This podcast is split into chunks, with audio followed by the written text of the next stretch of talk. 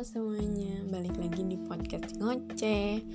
Jadi hari ini karena aku galau banget dan lagi overthinking Aku mau dan lagi kangen tentunya. Sekarang tuh lagi kangen ke mama.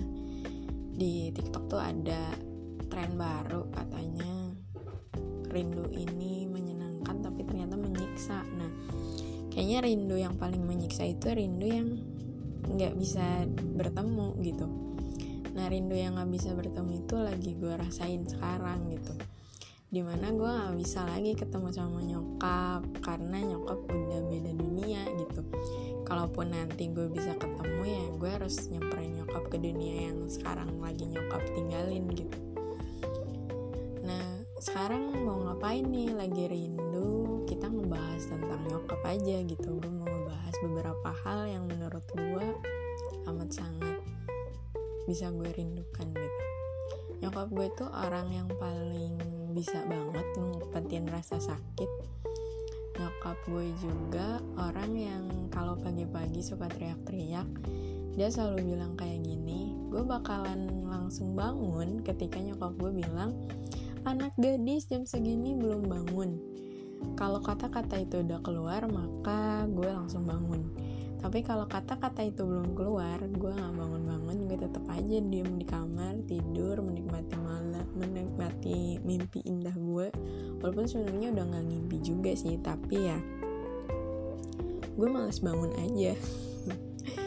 Terus nyokap gue juga pinter banget masak. Satu waktu pernah nyokap gue bilang kayak gini kamu tuh harus belajar masak katanya terus gue dengan pede dan begonya gue bilang kayak gini gue gak mau belajar masak dan gue gak mau bisa masak gitu. Dan sekarang gue kayak merasakan kenapa nggak dari dulu gue belajar masak? Terus gue juga pernah bilang ke nyokap gue bakal rajin beres-beres kalau udah punya empelan gagang. Pas empelan gagangnya udah nyokap beli gue tetap aja males. Emang penyakit males yang gue derita itu terus nyokap pernah tuh bikin es campur waktu kita buat menu bukaan. Es campurnya tuh nyisa banyak banget kan pas udah selesai buka. Gue tuh pergi taraweh nyokap juga pergi taraweh. Nah lo tau gak sih gue bolak balik rumah buat yang namanya ngabisin itu es campur? Nyokap juga sering banget yang namanya bilang kayak gini jangan makan pedas-pedas karena nanti kalau mahnya kamu nggak akan dirawat gitu. Tapi satu waktu nyokap pernah cerita juga cina kalau dia tuh dulu suka banget pedas dan sama-sama kena mah tapi dia itu ngumpet-ngumpet buat makan pedas. Dan itu gue bilang kayak mama nyuruh gue buat gak makan pedas tapi mama sendiri makan pedas gitu. Terus nyokap gue juga sering banget nggak bukan sering banget nyokap gue itu suka banget sama Ustadz Arifin oh bukan Arifin Ihlam dia itu sering banget nonton Ustadz Yusuf Mansur di Antep yang waktu pagi-pagi waktu itu ada acaranya. Dia seneng banget nonton itu.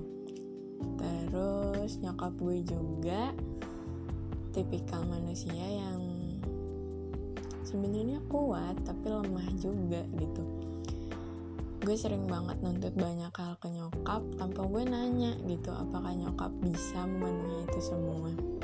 Tapi sebenarnya di balik semua tuntutan gue ke nyokap gue sebenarnya nggak terlalu menginginkan itu semua. Kalaupun misalkan nyokap bilang enggak ya emang gue terus ngerengek gitu. Tapi kalau misalkan gak kewujud juga nggak apa-apa gitu loh. Terus gue juga pernah ngebohongin nyokap buat gue dapet dua hal waktu itu waktu SMP gue bilang kita beli TV aja gue nggak usah ikut ke Jogja. Tapi ketika teman-teman gue ikut ke Jogja gue mau ikut ke Jogja. Gue maksa nyokap buat ikut ke Jogja. Terus gue pernah punya adegan paling menurut gue kenapa harus beli itu? Padahal gue juga nggak terlalu menginginkan itu semua gitu ketika nyokap itu beliin gue baju batik gitu. Lo tau kan kalau SD tuh suka gonta-ganti baju batiknya. Nah waktu itu gue kelas 6 SD dan ada baju batik baru. Nah itu tuh kan gue harus ganti kan ya. Tapi itu nggak ganti juga nggak masalah gitu. Temen gue ada beberapa yang nggak beli sama sekali baju batik itu. Nah kata gue bilang ya udah adek aja yang beli baju batik gitu. Dan gue nggak usah dibeliin. Tapi nyokap malah beli. Terus gue mikir kenapa harus beli gitu. Padahal kan cuman dipakai satu tahun lagi gitu. Segitu inginnya nyokap gue biar gue nggak kelihatan beda dari yang lain. Dan segitu inginnya nyokap gue buat gue sama kayak anak-anak yang lain gitu. Terus gue pernah banget waktu itu nyokap gue tuh izin. Katanya dia mau nikah waktu gue kelas 4 SD umur kelas 4 SD gue mikir bokap gue mungkin masih ada dan kalau nyokap gue nikah otomatis nanti bokap gue gimana gitu kan. Dan itu tuh hal terbego yang pernah gue lakukan karena ya nyok bokap lu tuh bokap gue tuh udah nggak peduli gitu sama gue. Karena dari umur 2 tahun sampai waktu itu kelas 4 SD ya kalau dipikir-pikir dengan otak gue yang sekarang dia nggak pernah ngasih kabar dia nggak pernah balik. Dan lu masih berharap gitu keberadaan dia cuman gara-gara lingkungan sekitar lo bilang kalau waktu itu nyok bokap lu tuh ganteng bokap lu tuh pintar bokap lu tuh sempurna gitu. Padahal lu nggak tahu sama sekali keadaan dan apa yang sebenarnya sosok bokap lu itu kayak gimana gitu. Tapi dengan pedenya gue bilang dan gue malah marah ke nyokap gue jangan nikah karena bokap gue belum mati gitu. Itu kelakuan gue waktu kelas 4 SD dan sampai saat itu nyokap gue nggak pernah ngomongin lagi soal bapak baru atau bapak tiri. Dan akhirnya waktu 2014 beliau meninggalkan gue sama kakak sama adik dan di sana lah mulai. Sebenarnya nggak terasa sebelum setahun setelah beliau meninggal itu gue belum ngerasain yang namanya kehilangan karena gue langsung kayak disambut sama keluarga baru yang sayang sama gue gitu. Tapi setelah dua tahun beliau meninggal kayak kerasa gitu kan sih. Perlakuan orang lain yang bukan orang tua lu ke lu itu akan beda dengan perlakuan orang tua lu ke lu gitu kan di sana mulai kerasa beda dan gue mulai nginget gitu ternyata gue butuh sosok mama lagi gue butuh sosok orang tua lagi yang kayak mama yang bisa dengerin gue yang bisa berkorban apa pun demi gue gitu. Walaupun emang posisi saat itu mungkin lo pikir gue anak gak tahu diri inget nyokap cuman karena gue butuh seseorang gitu.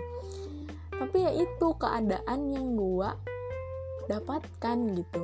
Gue inget nyokap ketika gue nggak ngerasa nggak ada orang lain lagi yang bisa ngertiin gue selain nyokap gitu. Dan satu kata-kata yang paling gue sesalin dan paling gue ingat sampai sekarang adalah waktu nyokap gue meninggal tahun 2014 tepatnya tanggal 24 Juni waktu itu adalah ketika gue latihan buat paduan suara buat kakak tingkat gue perpisahan gue bilang kayak gini ke temen gue gue mau ngumpulin duit karena gue takut kalau nanti hari minggu gue nggak dikasih bekal lagi sama nyokap gue gitu kan.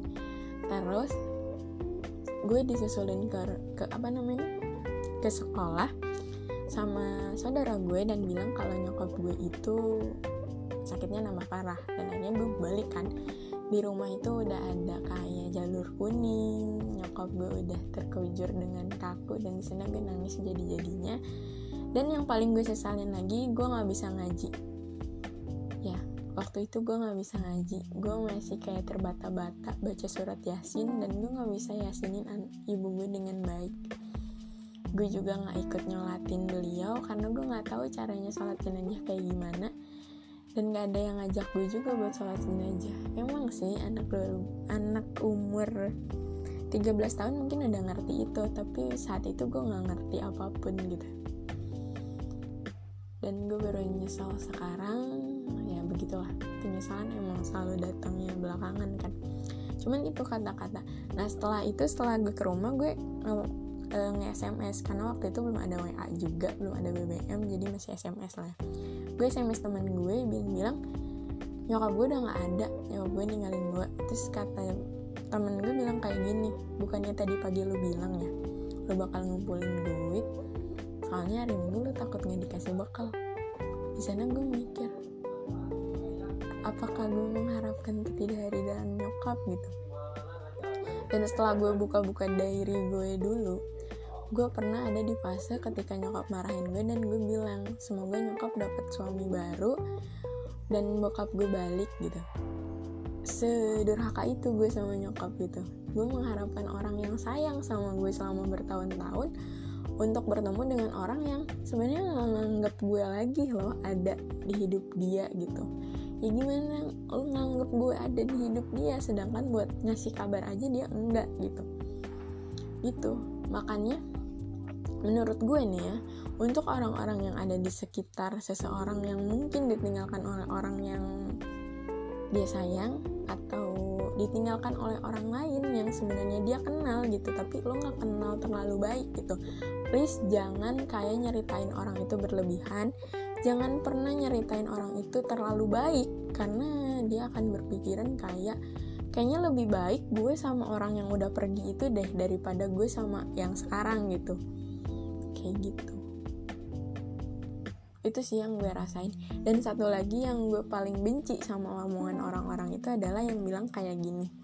Ketika gue SD kan gue pernah ranking 1 ya sampai SM, SMP tuh gue pernah ranking 1 waktu kelas 2 SMP orang-orang itu selalu bilang pantas pintar bapaknya juga pintar. Padahal di sana nggak ada andil sama sekali bapak gue dan menurut penelitian kecerdasan seorang anak itu diturunkan dari ibu gue jadi waktu itu gue ngerasa kayak bokap gue yang gak guna itu superior banget buat hidup gue gitu.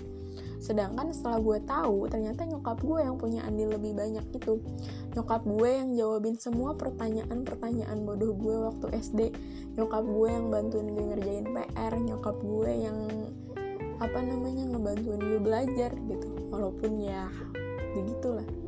Jadi please kalau mau ngomentarin hidup orang mau ngomentarin apa pun mau baik mau buruk dipikir lagi karena komentar lo itu bakal berujung sangat fatal dengan hidup seseorang.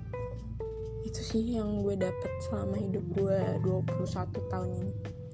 Dan gue rindu sama nyokap gue